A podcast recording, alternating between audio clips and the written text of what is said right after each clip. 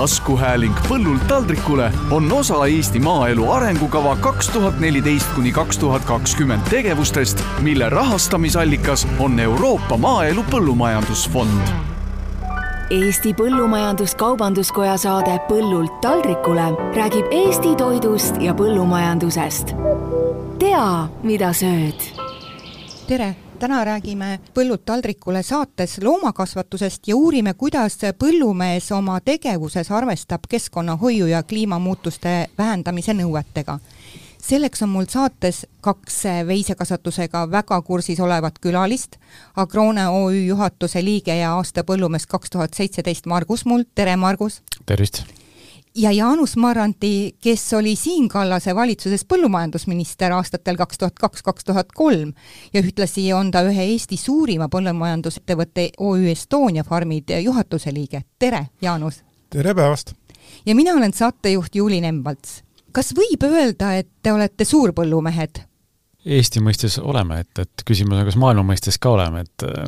agroones iseenesest on harida kuskil kolmteist tuhat hektarit maad, viis tuhat lüpsilehma, et, et äh, jah, suurem kui keskmine kindlasti. ja ma tahtsin just küsida ka äh, Jaanuse käest, et palju on teie ettevõtetes äh, piimakarja suurus? Äh, meil on kaks tuhat, meil on kaks tuhat kaheksasada lehma, ehk siis kokku kusagil viis tuhat kuussada veist ja üheksa tuhat viissada hektarit maad me harime kõigepealt vist küsikski kohe Jaanuse käest, et kui palju on põllumajandus viimase, ma mõtlen just niisugune poliitika viimase kahekümne aastaga muutunud, kui sina viimati põllumajandusminister olid? ai, see on päris oluline muutus olnud, sellepärast et kui mina olin minister, siis käis tegelikult kogu mäng ju äh, selle peale, et äh, Eesti saaks Euroopa Liiduga liituda ja et kaoksid ära sellised ebavõrdne kohtlemine kaubandusreeglites kõigepealt siis Euroopa Liidu riikide ja, ja siis Eesti vahel. et Euroopa Liidus ju toetati oluliselt rohkem neid riike, kui Eesti oma põllumehi suutis toetada ja, ja samas olid ka ikkagi paratamatult olid mingid kaubandusbarjäärid. et selles mõttes oli Eesti jaoks päris oluline saada nii-öelda Euroopa Liidu ühtsesse majandusruumi ja selle kaitsva vihmavarju alla. ja ühtlasi ka ühtlustada, mäletate seda vaidlust võib-olla, mis käis hästi selline päris metsik vaidlus oli aastaid tollide üle, eks ole, see vaidlus lõppes ära koheselt, kui Eesti liitus Euroopa Liiduga. et selles mõttes see oli üsna niisugune põhimõtteline ajahetk. et muutused on olnud seetõttu väga suured, ma arvan aga kuidas te hindate nüüd ähm, kogu seda perioodi, et kui palju pärast ise, Eestis iseseisvust on nüüd veisekasvatus ja just eriti piimakarjakasvatus nagu muutunud, need põhimõtted, ütleme, see loomade heaolu ja? noh, ma ikka julgen öelda, et ega õige hoo ikka saime siis sisse, kui tuli Euroopa Liit, avanesid erinevad äh, toetusmeetmed, et, et siis äh, alates sellest hetkest kahe tuhande esimesest, kahe tuhande teisest aastast tegelikult, kui toetusmeetmed avanesid, hakati ehitama uusi lautasid,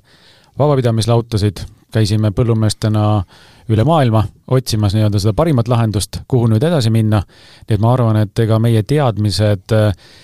investeeringud põllumajandusse, kogu see asi on ikka, ma ütleksin niimoodi, ikka päris, päris palju muutunud. ütleme korra kuulaja jaoks ka ära, et eh, mida kujutab endast see vabapidamisega laut? kui noh, kuidas ma ütlen nüüd, et kui nõukogude ajal või nagu varasematel aastatel olid loomad laas, ehk siis tähendas seda, et loomal oli kett kaelas omal oli, loom seisis ühe koha peal, äh, tõusis ja äh, nii-öelda nagu püsti, et äh, süüa ja heitis maha, et magada.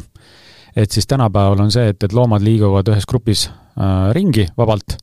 igaüks saab minna sööd, söö-, söödalavale ligi, nii kuidas soov on, saab minna jooma, millal soov on, saab minna oma aseme peale maha heitma, kuidas soov on, et, et selles suhtes, et nad täna teevad oluliselt niisugust nagu liigiomast käitumist rohkem, kui tollel ajal see võimalik oli sellepärast et tollel ajal oli muidugi ka piiranguid oluliselt rohkem, et lüpsti ka lehma sama koha peal, kus ta seisis. Äh, täna enam äh, lehma nii-öelda oma aseme juures keegi ei lüpsa, lehm käib kas siis lüpsiplatsi või lüpsikarussellil, et, et kogu see niisugune noh, filosoofia tegelikult on äh, muutunud ja ma saan aru, et lehma ei tule sinna nagu ajada, ta tegelikult läheb sinna juba ise sinna lüpsiplatsi peale? põhimõtteliselt läheb ise jah, aga et eks ikka üks inimene peab alati järgi kõndima, et vaatama, et, et keegi nagu maha ei jää, et, et kaks kolmandikku või isegi üheksakümmend protsenti läheb äh, ise ja teised on siis niisugused, kes jäävad sinna nuhkima või öö, äh, ringi vaatama, et, et ka need kindlasti saaks alati lüpsile mindud ega lehmad on äh, tegelikult väga targad loomad. kui uus farm valmis saab, siis äh, võib-olla esimesed kaks korda on vaja neid loomi nii-öelda trügida sinna platsi peale ja, ja vaeva näha, ma olen ise ka seda tööd tegemas käinud, kui farm valmis sai, aga juba kolmas kord nad lähevad ise, neil kuju, kujunevad välja omad liidrid grupis, no tegelikult nad elavad seal noh, omas grupis tegelikult täiesti normaalset karjaelu. no alati on näha, et, et see esimene sõa, sõjakas loom nii-öelda, tema on alati esimene oma grupis seismas seal lüpsijärjekorras, nii et tegelikult on, loo-, loomad teavad täpselt, kuidas on vaja käituda ja, ja kui nüüd rääkida vabapidamisega ja lõaspidamisega loomadest, siis tegelikult ju e, nad seisid tõesti seitse kuud aastas ühe koha peal, kett kaelas, siis täna seda olukorda enam ei ole. ja tegelikult on ka väga selgelt näha olnud, et kui loomad, mis liikusid nii-öelda lõaspidamisega laudast vabapidamisega lauta, siis noh, tegelikult oli neil ikka suuri raskusi, sest nende jalad ei olnud harjunud äh, sellise vaba liikumisega ja nii edasi, et nii et äh, loomadel on, loomade heaolu reeglid on juba need, mis on andnud üsna palju juurde piimatootmisele tegelikult, need on üsna oluliselt muutunud. Ja lisaks vabapidamise laotusse õhk, nagu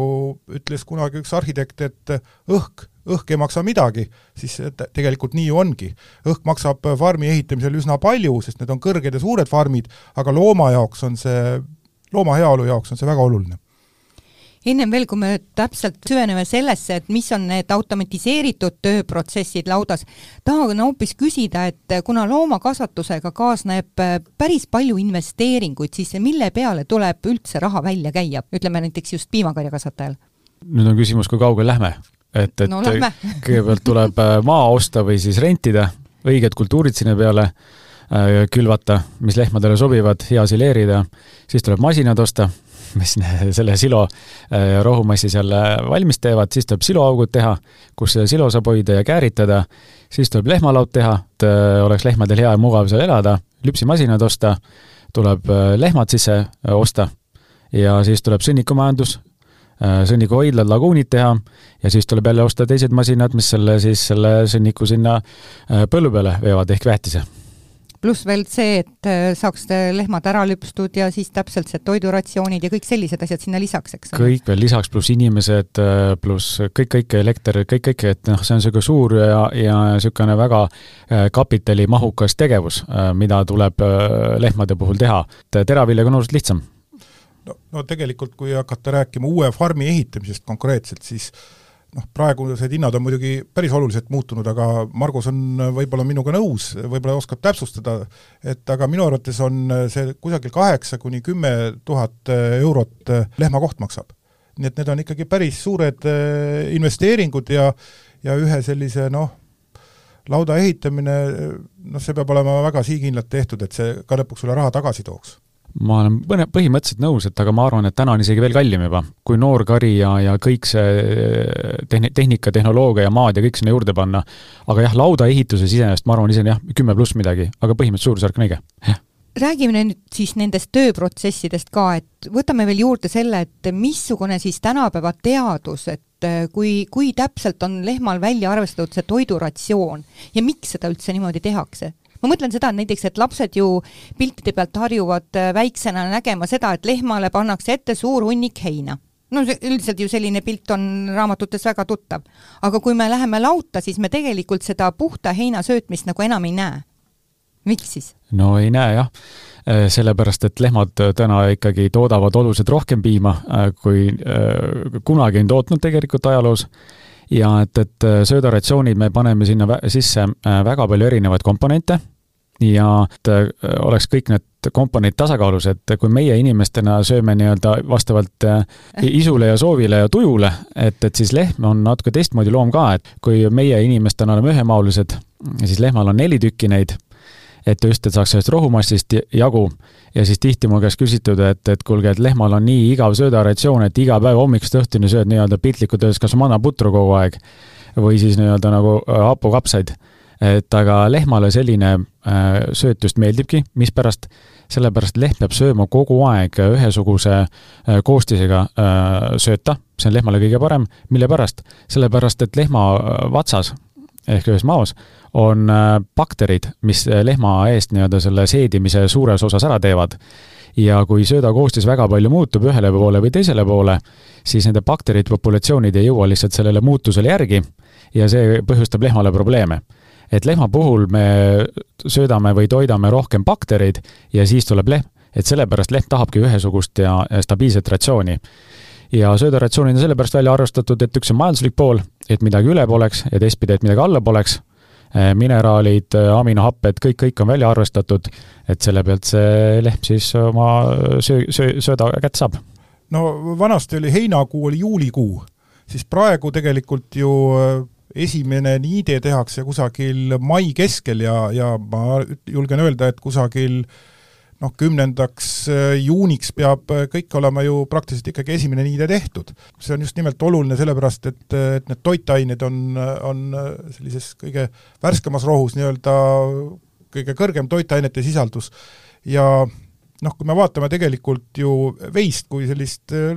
loomaliiki, siis, siis mis nad seal vabas looduseski muud teevad, kui rohtu söövad? Et äh, kuskilt veneaegsest kolhoosist on pärit, äh, kus kuuseoksi toodi ette, kui enam muud anda ei olnud, et, et selles mõttes ega see on loomuomane äh, veistele, et nad tahavadki saada rohusööta ja võime siis ka öelda, et, et lehm vajab seda rutiini. meie inimestena võib-olla ei üldse ei jälgi nii palju oma söömise kas või tervislikkust, kuidas tegelikult lehmal on see asi ära timmitud. kindlasti, kui lehma pidada, siis lehma jaoks ongi hästi tähtsad rutiinid. millal sööt tuleb ette, millal tuleb hüpsile minna, Äh, lehma jaoks on kõik väga täpselt, peab olema nii-öelda päevakavas sees, siis ta harjub selle päevakavaga ja tal ei ole segadust. nii kui mingisugune muudatus päevakavas toimub, on ju, on lehm kohe segaduses, ta ei tea, kuhu minna, mida teha, et selles suhtes, et no nii sööda puhul lehmale meeldib rutiin, on ühesugune sööt, ja samamoodi päevakava osas, lehm on rutiini armastav äh, loom. kui äh, nüüd äh eeloleval pühapäeval tuleb meil ju kella muutmine ühe tunni võrra. muideks, see on piimatoodangus koheselt näha nii, mis juhtub siis? juhtub see, et eh, kuna tund, eh, lüpsiajad ju muutuvad ka tund aega, siis tegelikult esimestel päevadel on kindlasti tagasilöök ka loomade piimatoodangus, sest midagi niisugust on, mis neile ei meeldi, mis neile ei sobi tegelikult. et lehm on siiski ka küllalt äh, aus tagasiside andja, võib öelda? tema annab kohe tagasiside. ja õnneks meil on loom nagu ongi selline, et ega lehmapidamine on selles suhtes nagu, kuidas ma ütlen, nagu hea on seda asja teha, sellepärast et ega meie eesmärk lehmapidajatena on ikkagi see, et, et oleks loomal võimalikult mugav elamine, võimalikult hea sööt, võimalikult äh, rutiinne päev ja siis tema nii-öelda annab meile alati kõige rohkem siis ka tulemust, et annab kõige rohkem piima. et kui me ise kuskil noh, kuidas ma ütlen, oleme laisad või, või ei viitsi või, või ei taha midagi teha, siis lehm ütleb selle kohe ära ja selles suhtes on kohe ka siis ka sissetulek on kohe väiksem. et meie kui lehmakarja kasvatajate teema on alati see, et, et võimalikult mugav, võimalikult rutiinne, siis asi toimib. kui ei toimi, on mingi tehnika puruks või nagu juba äh, Äh, juttu oli, et, et muudetakse tund aega kella, kella, millal tuleb lüpsile minna, see just on sellepärast, et siis saab sööt tavaliselt teisel ajal ja on lüpsile te, teisel ajal minek ja siis ongi lehm segaduses ja millest see väljendub seda, väljendub kohe selles, et piimatoodang kukub. Loom on niisugune väga lihtne ja, ja sageli räägitakse ju sellest, et äh, need avatud farmid, need külmad farmid, et noh, kuidas seal lehm saab olla, et see on ju kohutavalt külm ja seal on lehmal halb olla, siis äh, noh, tegelikult loomapidajad äh, peavad vaat-, vaatama ja tegelikult ka Eestis vaatavad äh, kogu seda noh, looma elukeskkonda tegelikult looma seisukohalt, mitte inimese seisukohast. sest tegelikult tõepoolest selles äh, avatud külmas farmis on loomal olla mugav, aga inimesele ebameeldiv. täpselt sama on kogu selle söötmisega, inimesele meeldib süüa vahepeal, ma ei tea, kotletti, teinekord kana ja kolmas kord üldse taimetoitu, et mõnes mõttes me ei saa äh, noh, laste muinasjuttudes antakse loomadele sellist inimese iseloomuomadused, et äh, rebane on kaval ja ja jänes on argpüks ja nii edasi, et äh, noh, tegelikult ikkagi igal loomal on füsioloogiliselt teatud äh, eripärad ja neist lähtuvalt tuleb neid sööta, neist lähtuvalt tuleb neid pidada ja kui räägitakse, et oi-oi, need loomad on teil seal farmis, et nad, neid, nad lüpstakse tühjaks, neilt, neil on seal väga halb elu ja nad on halbades tingimustes seal, siis tegelikult meil no, Eestis vähemalt, eks on ju, meie saame sellest rääkida, mis ja, ka ja, siin on. et ei no Eestis üsna noh, räägi-, räägitakse, et ja sageli räägivad seda need inimesed, kes ise loomapidamisest suurt midagi nagu ei tea. tegelikult on ju lihtne tõsiasi, loomapidaja tahab looma käest saada piima järelikult loom ei anna piima, seda piima tal ei ole, kui tema pidamistingimused on kehvad. no ei ole, ei ole võimalik, nii et, et, et selles mõttes loomapidamise eesmärk on teha, et kõik oleks loomale võimalikult sobiv, sobivad tingimused. nõus, Jaanus, ja ma olen käinud ka siin mõnes sellises farmis külas, kus on olnud ka meierei kõrval ja nad ütlevad täpselt samamoodi, et kui on näiteks olnud kas või mingisugune isegi võib-olla mingi elektrikatkestus nagu mingis väikseks hetkeks, siis ütleb kohe meieri pool, et mis teil seal laudas juhtus, et piima see kvaliteet on hoopis teine, et see on nii tundlik äh, temaatika. aga võtame ka sellise teema siia juurde, et aina rohkem ju loomakasvatuses räägitakse keskkonnanõuete tingimuste täitmistest. ja mida peab siis põllumees kõik nüüd jälgima, et aga ma saan aru, et neid nõudeid on võib-olla väga palju, et millega te, millele te siis oma põhitähelepanu keskendute, kui me räägime nüüd sellest äh, keskkonnanõuded? no ütleme, keskkonnanõudeid on tõesti hästi palju äh, ja enamus on seotud põlluga. ja ma arvan, et nagu kõige suurem teema, millest me nagu noh, tavaliselt meiega ise kõige rohkem kokku puutume, ma arvan, elanikud samuti, inimesed, on ikkagi see, et, et kuidas see sõnnikukäitlus siis korraldatud on et, et kuna me teame, et lehm sööb kuskil päevas füüsilises kaasas kuskil nelikümmend viis kilo äh, nii silomineraale kui igasuguseid muid söötasid sisse, ja me teame, et ega tahke toit peab ka tagantotsast välja tulema. aga meie õnneks on jälle lehm, on selline mm, ütleme niimoodi tänuväärne loom, et ega ju alguses ega lohmi, lehmasid ajaloos ei kasvatatud mitte sellepärast, et piima nende käest saada, vaid ikka, et seda äh, väetist nende käest saada. ja äh, selles mõttes on see sõnnik, mis lehma tagumikust välja tuleb tagantotsast, on ikkagi väga väärtuslik väetis meie jaoks. et ja lihtsalt selle sõnniku nii-öelda käitlemise keskkonnanõuded on suhteliselt karmid ja, ja see tehnoloogia, mida vähemalt äh, meie kasutame, on ka väga kallis. et, et me sellel aastal just äh, investeerisime masinasse, mis paneb ise sõnniku otse äh, mulda, et, et noh, eks mahu pärast ka, aga see maks-, masin maksab üle seitsmesaja tuhande euro, üks masin. et eks need tehnoloogiad on kallid, aga teistpidi, olgem ausad, et ega kui me neid tehnoloogiaid ei kasuta, siis läheb ka sellest kallist väetisest, mis lehma taguotsast välja tuleb, läheb ka palju kaotsi et selles suhtes nagu ma ütleksin, et mõlemal poolel on nagu võit, on ju, et see kallis tehnika on ühtepidi keskkonnanõue ja teistpidi jälle meie kui põllumehed suudame ka äh, säästa selle pealt, et äh, see väärtuslik väetis alles jääb. aga mis muidugi on, et noh, et kui ainult nõutakse kogu aeg, et siis küsimus ongi see, et, et kas me suudame alati neid äh, suuri investeeringuid ka teha, et äh, nendele nõuetele vastata. ma arvan, et nende nõuetega ja kõigiga on niimoodi, et nad peavad olema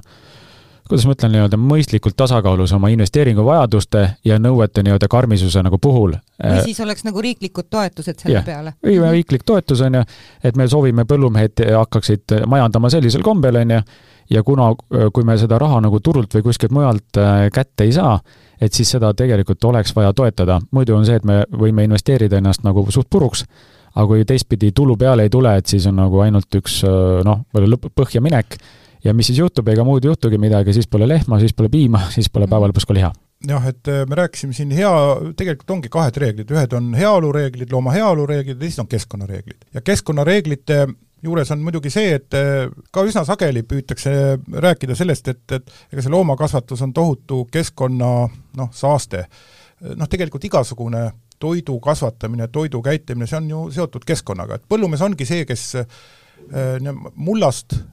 veest, päikesest äh, teeb inimestele toitu. ja see on mingis mõttes nagu püha tegevus. ja, ja teisest küljest ei ole, noh täna ei ole olemas võimalik äh, toitu toota laboritingimustes. ehk põhimõtteliselt eks see ongi natukene kompromiss looduse ja inimese vajaduste vahel. ja nüüd on küsimus, kus see kompromiss on, et need keskkonnanõuded, need on iseenesest ju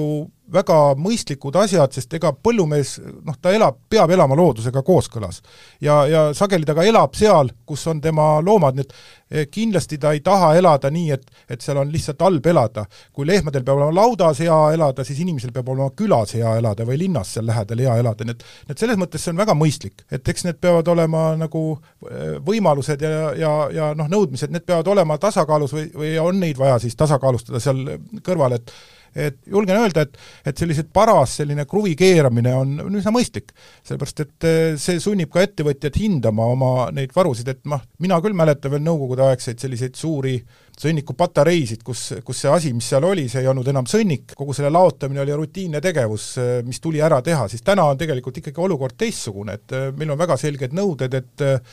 sõnnikuhoidlad peavad mahutama vähemalt kaheksa kuu sõnniku, noh näiteks meie ettevõtte puhul see tähendab tegelikult ühelt loomalt tuleb lüpsilehmalt aastas kuni kolmkümmend tonni sõnnikut aastas, noh, väike rehkendus ütleb, meie ettevõtte puhul eh, meil on selleks ette nähtud sada kaksteist tuhat eh, tonni mahutavad hoidlad, täna on need kõik eh, just nimelt nendest nõuetest lähtuvalt ikkagi kaasaegsed korralikud hoidlad, kust keskkonda ei satu, seda jälgitakse, on olemas tegelikult nii-öelda kontrollkaevud iga, nüüd hoidla juures peavad olema ja sealt võetakse aeg-ajalt veeproove, vaadatakse, loksutatakse neid klaasikesi, see on nagu mõistlik, et seda kõike tehakse. Täpselt samamoodi on ka selle sõnniku mulda laotamisega, et, et ka see on noh, on, on ju tegelikult väga täpselt paika pandud ajad, millal seda teha võib, et ja see on vegetatsiooniperioodil ja nüüd kohe-kohe, kui seda mingite otsustega ei pikendata, siis üks november on see kuupäev, millal siis enam äh, sõnnikut enam laotada ei tohiks tegelikult, et see on nüüd nagu kohe käes, et siis peame minema üle talverežiimile. et äh, see on just selleks, et see et ta, ta ei leostuks seal ära ja, ja, ja, ja täpselt on tegelikult ka see küsimus, et ega, ega nüüd viimasel hetkel mulda viidud, noh see, et läga või vedelsõnnik siis viiakse mulda, see on tänapäeval iseenesest nagu noh, kunagi päris ammu oli, ma ei tea, meie ettevõttes ei ole seda enam aastaid ja aastaid, ma ei tea, vist paarkümmend aastat kasutatud nii-öelda sellist äh, nii-öelda lohisvooliku põhimõtet, mida ma tegelikult läänes aeg-ajalt ikkagi näen. et mingi voolik on lihtsalt äh, pütil taga ja, ja siis ta sõidab, niisugune kuldne lehvik on taga ja laotab, või, või siis kuldne lehvik on taga, laotab siis seda sõnnikut nii-öelda maapinnal, et tegelikult ikka aastaid viiakse see kõik mulda. vot sealt need tulevadki, et kui, kui sa teda, teda paned liiga hilja, siis, siis tõepoolest äh, ta taimedeni enam ei jõua, nii et siinjuures tuleb ükskõik kellel, kes neid reegleid ka koostab, seal tuleb ka arvestada sellega, et et Eesti inimesed süüa tahavad, seda süüa toota vaja on, see on julgeoleku küsimus, et see toit peaks olema siin meie oma Eesti inimeste toit, siin toodetud, maainimesed saaksid tööd ja, ja see kompromiss tuleb paratamatult nagu võtta. ma tahtsin veel selle peale täpsustada, et Agroones on ju tegeletud tublisti rohelise jalajälje teemaga ja mida te oma ettevõttes siis olete mõõtnud ja mis selgus, Margus? me oleme seda mitu aastat teinud vabatahtlikult, et ei ole mingisugust niisugust nõuet ega kohustust täna olnud aga kuna me juba teadsime, et see läheb päris niisuguseks kõvaks teemaks, et äh, kuna maa, maakera meil siin soojeneb ja eesmärgid on äh, suured võetud nii teadlaste kui ka siis poliitikute poole pealt, et äh, vähendada CO2 ehk siis erinevate kasvuhoonegaaside mm, lendumist atmosfääri ja läbi selle siis mitte soojendada nii-öelda kas ühe koma viie kraadi või mingi muu kraadi võrra seda atmosfääri, vaid püüa seda pidurdada. Ja siis me olemegi juba mitu aastat, kolm, üle kolme aasta juba mõõtnud CO2 jalajälge ja olemegi aru saanud, et meie Eesti, vähemalt meie farmid Eestis, ja ma julgen seda arvata, et ka teised farmid Eestis, äh, kes samamoodi teevad äh, piimakarjakasvatust ja põldu harivad, et meie see jalajälg oli null koma üheksakümmend kaheksa kilogrammi mm, CO2 ekvivalenti siis äh, rasva ja, ja valguga korrigeeritud piimakilogrammi kohta, on ju. ja see number on väga hea, kui me vaatame teiste riikide numbreid, mis on muidugi ri-, üldistatud nagu riikide peale, mitte firmade kaupa, siis need on tegelikult üle kahe koma midagi, kaks koma kaks, kaks koma neli, kaks koma viis. et tegelikult meie Eestis kasutatavad tehnoloogiad, meie teadmised, investeeringud, mis on tehtud, on ju, on õieti tehtud. me oleme juba täna oma nii-öelda jalajäljega väga heal tasemel, on ju. aga no eks see nüüd on see, et, et eks Eesti hakkab nüüd ise mõõtma, ma saan aru, et tulevad uued programmid, tehakse mingid piloodid, kaheksakümmend äh, suuremat ettevõtet, alles nüüd hakatakse seda tegema, et kaardistatakse ära, on ju, et loosungid või kuidas ma ütlen, need eesmärgid on juba ammu üleval, mis ajaks me peame neutraalseks saama, aga nüüd hakatakse alles päriselt mõõtma. ja teine asi, mis me avastasime, on see, et me üks asi mõõtsime ära, saime oma null koma üheksakümmend kaheksa kätte, on ju, kilogrammi siis, ja hakkasime vaatama, et kust see siis tuleb. null koma neli kilogrammi tuleb juba eh, lehmast endast, nii eestotsast kui tagantotsast, läbi siis nii-öelda seede, seedemetaani tuleb välja järgmine neliteist on siis äh, sõnniku käitlemine nii hoidlates kui siis põllu peal ja siis järgmised on söödad ja siis ülejäänud asjad tulevad hästi väikeste numbritega järgi. Äh, väetised on suht väiksed, äh, taimekaitsevahendid, antibiootikumid, ka ravimid lehmadele on ju ka väga väikse CO2 jalajäljega, need praktiliselt ei olegi. ja kui me hakkasime nüüd juba mõtlema edasi, et üks asi me kaardistasime ära, teine asi tahtsime siis teada, et kuidas meil on siis võimalik enda firmaga nagu neutraalseks saada. ja me maksime siis ka nii selle CO2 auditeerimisest alguses ja maksime ka siis selle eest, et palun pakkuge siis välja, et, et äh, kuidas me saame seda jalgealli vähendada, soovitavalt nulli. kahjuks me nulli ei jõudnud äh,, pärast mitme tuhat eurot ja mõnda kuud tööd mm, tuldi tagasi, öeldi, et null koma seitsekümmend neli oleks see, mis on võimalik nagu hetkel nagu saavutada ja kaks, ma või kaks suuremat momenti võib-olla tooks välja. üks oleks siis see, et, et loomade Äh, seedekulglas siis äh, tulevat äh, metaani vähendada, tuleks loomale sööta söödalisandit, mis vähendab kuskil seda metaani lendumist läbi loomaga kuskil kolmkümmend protsenti. ja siis teine oli see, et biogaasijaam kõrval mehel on tehtud juba, meil veel ei ole, planeerime, et läbi selle saab ka siis vähendada äh, seda metaaniheidet. Ja ega ülejäänud asjad tegelikult ei olnudki nagu niisugused, no kuidas ma ütlen, nagu väga head nõuanded, ja sinna koha peale me tegelikult maandusimegi, ma nüüd ootaksin igalt poolt väga hea meelega, et, et riik kõigepealt kaardistas ära, kus me Eesti asub, ja me saaksime kindlasti Euroopa Liiduga läbirääkimistel asuda, et, et need soovid ja nõuded, mis täna Euroopa Liidu poolt tulevad Eestile, on äh, nii-öelda CO2 vähendamiseks on ebareaalsed. Ja teine asi on see, et, et ega meie põllumeestena oleme alati valmis tegevusi tegema, küsimus on selles, et mis tegevusi vaja teha on, on ju, ja kuidas me suudame siis seda rahalist poolt äh, kompenseerida, kas läbi turu, ehk siis äh, toodete kõrgema omahinna ja saame turu pealt, äh, piim ja liha ongi kallim, muidugi noh, praegu on eriti kallid poes, et kui selle jutuga tulla, võib-olla väga ei lenda, et on, on juba väga kallid poes, aga teistpidi on siis mingid toetused, mingid muud mehhanismid. aga kõige rohkem ma tegelikult ootaksin, et me vähemalt teaksime teoreetiliseltki, kuidas me saaksime seda CO2 jälge väljend-, vähendada ja saaksime läbi selle siis ka neid äh, arvutada, palju see meile maksma läheb ja kõik need meetmed äh, välja mõelda. või keegi nagu pakub meile välja need asjad, sest et me, meie mõistus iseenesest on kahjuks nagu otsa saanud ja nüüd ootaks pigem nagu teadlaste poole pealt sellist nagu teaduslikku tööd sinna taha Äh, no ma tooksin siia äh, võib-olla sellise natuke laiema mõõtme veel juurde, et äh, üsna sageli on Eesti diskussioonides kajastatakse, et oot-oot, meil on selle keskkonnaga seoses põllumajandusega midagi väga halvasti. ja see on mingites ringkondades Eestis on see üsna levinud ja tegelikult noh, kohati käib isegi selline emotsionaalne paugutamine sellel teemal lausa. et tegelikult faktiliselt, kui me nüüd päris faktiliselt otsa vaatame ja me peame tõepoolest, nagu te siin ka ennem ütlesite, kainelt kaalutlema neid asju, süsteemis vaatlema, siis kui me süsteemis vaatleme, siis Eestis äh, on tegelikult äh, põllumaad ühe inimese kohta suhteliselt kõige rohkem. metsaasuse protsent on meil üks suuremaid ja tegelikult äh, noh, loomade arv näiteks Eestis, Eestiga sama suures riigis, nagu on Holland, territoorium on neil väiksem, neil on poolteist miljonit lehma. Eestis on täna kaheksakümmend tuhat natukene peale lehma et need suurusjärgud on ikka hoopis hoopis erinevad ja, ja tegelikult on ka täpselt sama no võtame sead näiteks, jälle Taani Eestiga sama suure territooriumiga, seal on viis miljonit siga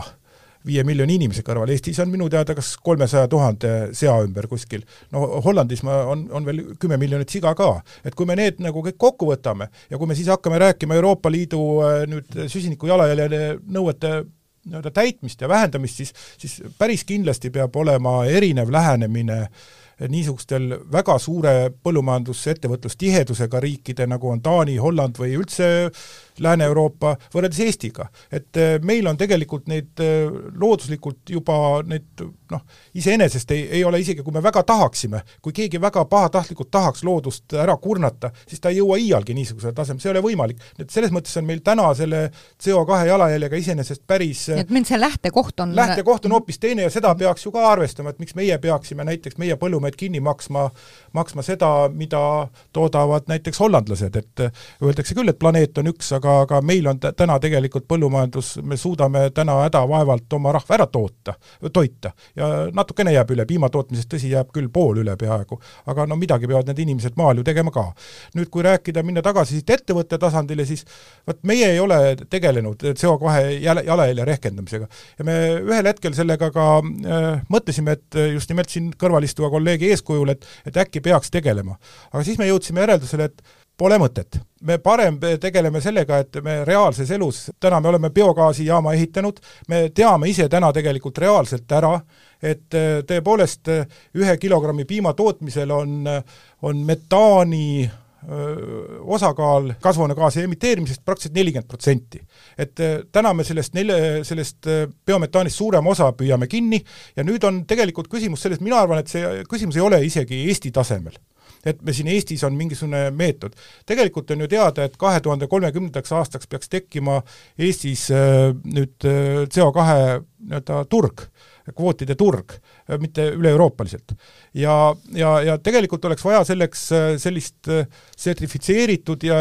meetodit üle Euroopa Liidu, kus tegelikult üheselt saadakse aru, Hollandis, Taanis, Eestis, Saksamaal, millega siis nagu tegemist on, kui suur see CO2 jalajälg on, sellepärast et me võime siin Eestis seda rehkendada üks, kaks ja viis korda, aga, aga lõpuks loeb ikkagi see, et kas see, need numbrid on kvalifitseeritavad ka Euroopa tasemel, et need selles mõttes tegelikult ootaks siin ka väga selget sellist Euroopa initsiatiivi ja Eesti seisukohtade kaitsmist seal kõigepealt selles, et Eesti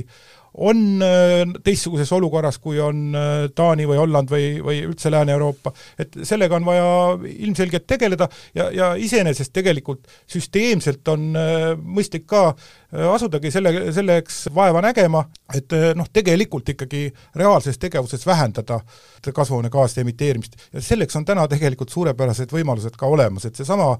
biometaani tootmine, biogaasi tootmine, et see on te-, tegelikult see, mis reaalselt äh, et reaalne tegevusprogramm oleks, äh, siis see looks võimalused, et, et meie loomakasvatuse jalajälg oluliselt väheneks ja me saaksime oma tegevust kas jätkata või isegi suurendada siin, siin Eestis, nii et noh, minu arvates tuleks nagu sellest otsast läheneda kõigepealt. täiesti nõus, Jaanus. ma lihtsalt ütlen kahjuks seda, et, et meie arutustest nagu lähtub see, et biogaasijaama ehitamine kindlasti vähendab äh, CO, metaani heidete läbi selle siis nii-öelda CO2 ekvivalenti aga lihtsalt see oli ainult neliteist protsenti, oli nii-öelda sellest äh, äh, sõnniku menet-, menetlemisest või käitlemisest läks ära ja siis sellest tõesti jah, pool äh, saab nii-öelda läbi biogaasijaama kinni äh, nii-öelda püüda ja selles nii-öelda sellega bussid ja autod sõitma panna, aga kahjuks on see nii-öelda noh, mitte väga suurega, kõige tähtsam on lehm ise, et kuidas seda püüda, äh, see gaas sealt lehma seest kinni jaa, aga ma ise mõtlen, et kui nüüd on see energiahinnad nii äh, kõrgele tõusnud, siis võib-olla selle biometaani jaama ähm, tasuvusaeg on järsku ka lühenenud, sest et ma tean, et siin on ju, ju mitmed, kes on öelnudki, et nad on ka toetuste varal seda biometaani jaama teinud ja et äh, see on ikkagi väga pika tasuvusega, kakskümmend ja rohkem aastat. no vot, kui me vaatame tegelikult nüüd äh, biometaani teemat, siis äh, üks asi on siin, äh, kui me noh, loodus on meil üks, maailm on meil üks, et äh, me räägime siin lehmade poolt eraldatavast metaanist ja selle kinnipüüdmisest, aga tei-, kaks nüüd suuremat saastajat ju on, transport ja põllumajandus väidetavalt. et kui me püüame biometaani kinni siis põllumajandusest, siis kui me sellest toodame mootorikütet, siis vot see mootorikütus ju ka vähendab veel, nii et selles mõttes on biometaan nagu topelt, see on üle noh, üle nii-öelda saja protsendi vähendamise, on topelt äh, kasvuhoonegaaside vähendamine ka transpordi arvelt, et selles mõttes see pilt on nagu natukene täielikum. aga aga kui me räägime nendest võimalustest ja, ja võib-olla sellest hindadest ja tasuvusaegadest, siis ega see nüüd nagu selles mõttes võib-olla ma olen võib-olla liiga optimistlikult kõlanud, aga ega, ega see nüüd lihtne äri kindlasti ei ole. et selles mõttes siin on ka vaja väga selget riiklikku poliitikat, sellist õiguskindlust, kuidas seda teha ja, ja kuidas edasi minna ja siinkohal on, on tõepoolest olulised need, seesama jutt, mis me siin ennem rääkisime, aga, aga noh, kui me nüüd hindu vaatame praegu, siis eh, kui meie hakkasime ehitama eh, biometaani eh, jaama koos nüüd Alexela ja Infortariga, siis, siis tegelikkuses nende ettevõtete huvi oli vähendada transpordi emiteeritavaid kasvuhoonegaase, et, et saada sealt bio, bio nii-öelda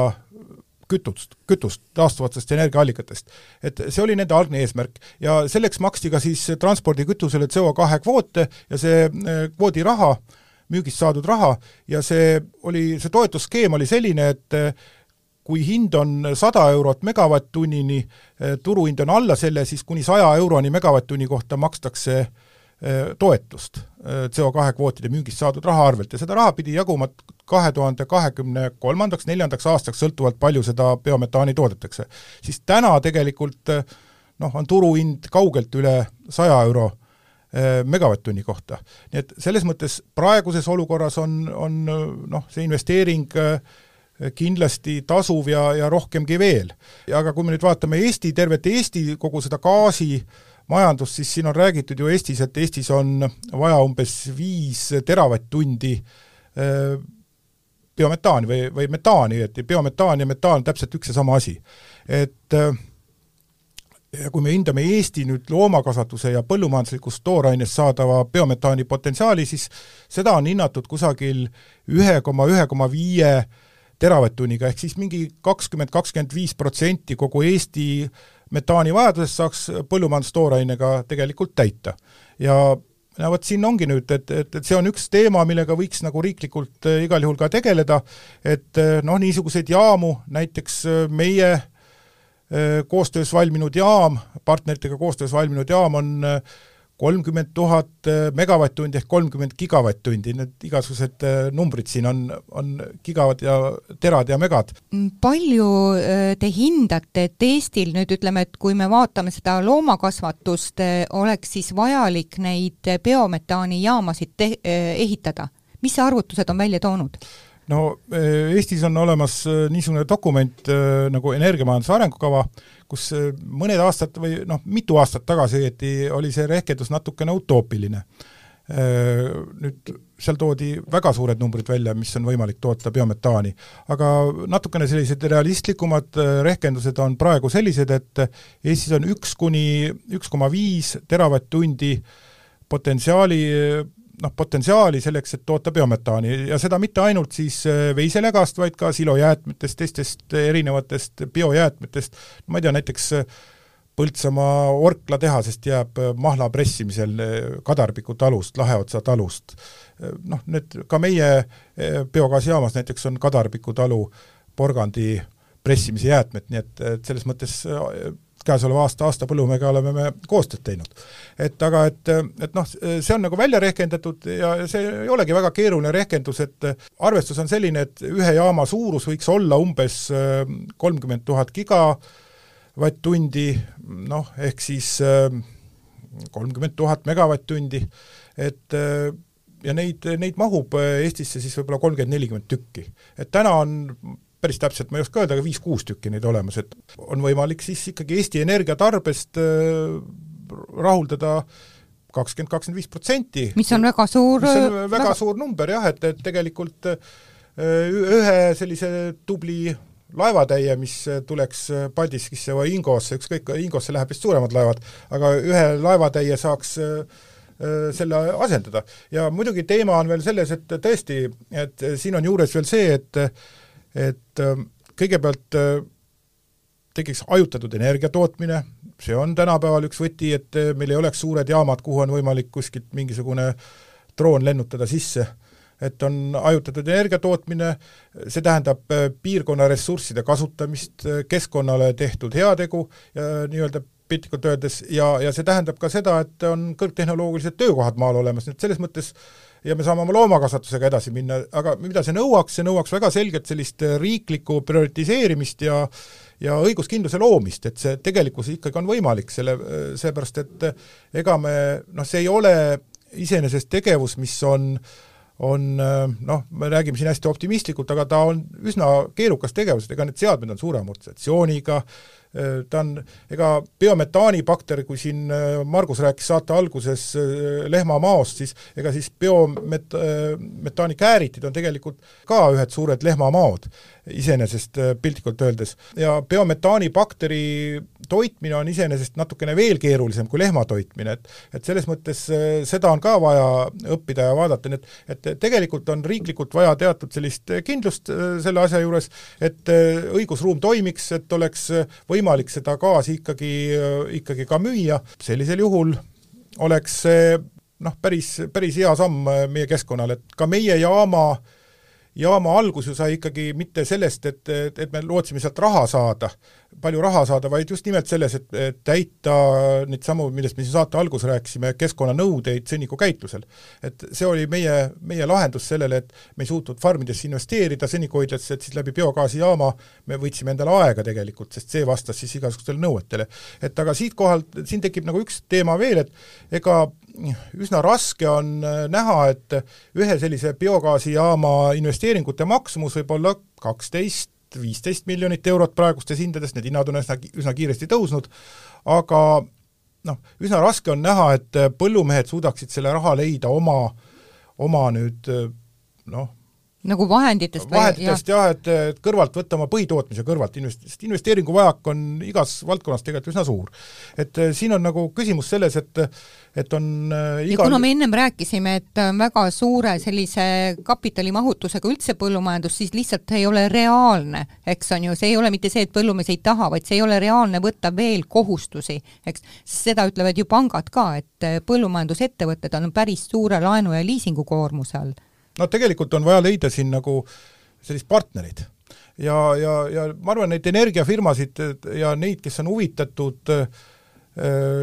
taastuvenergia allikast tulenevast äh, biometaanist, neid on täna Eestis ikka päris palju. ja, ja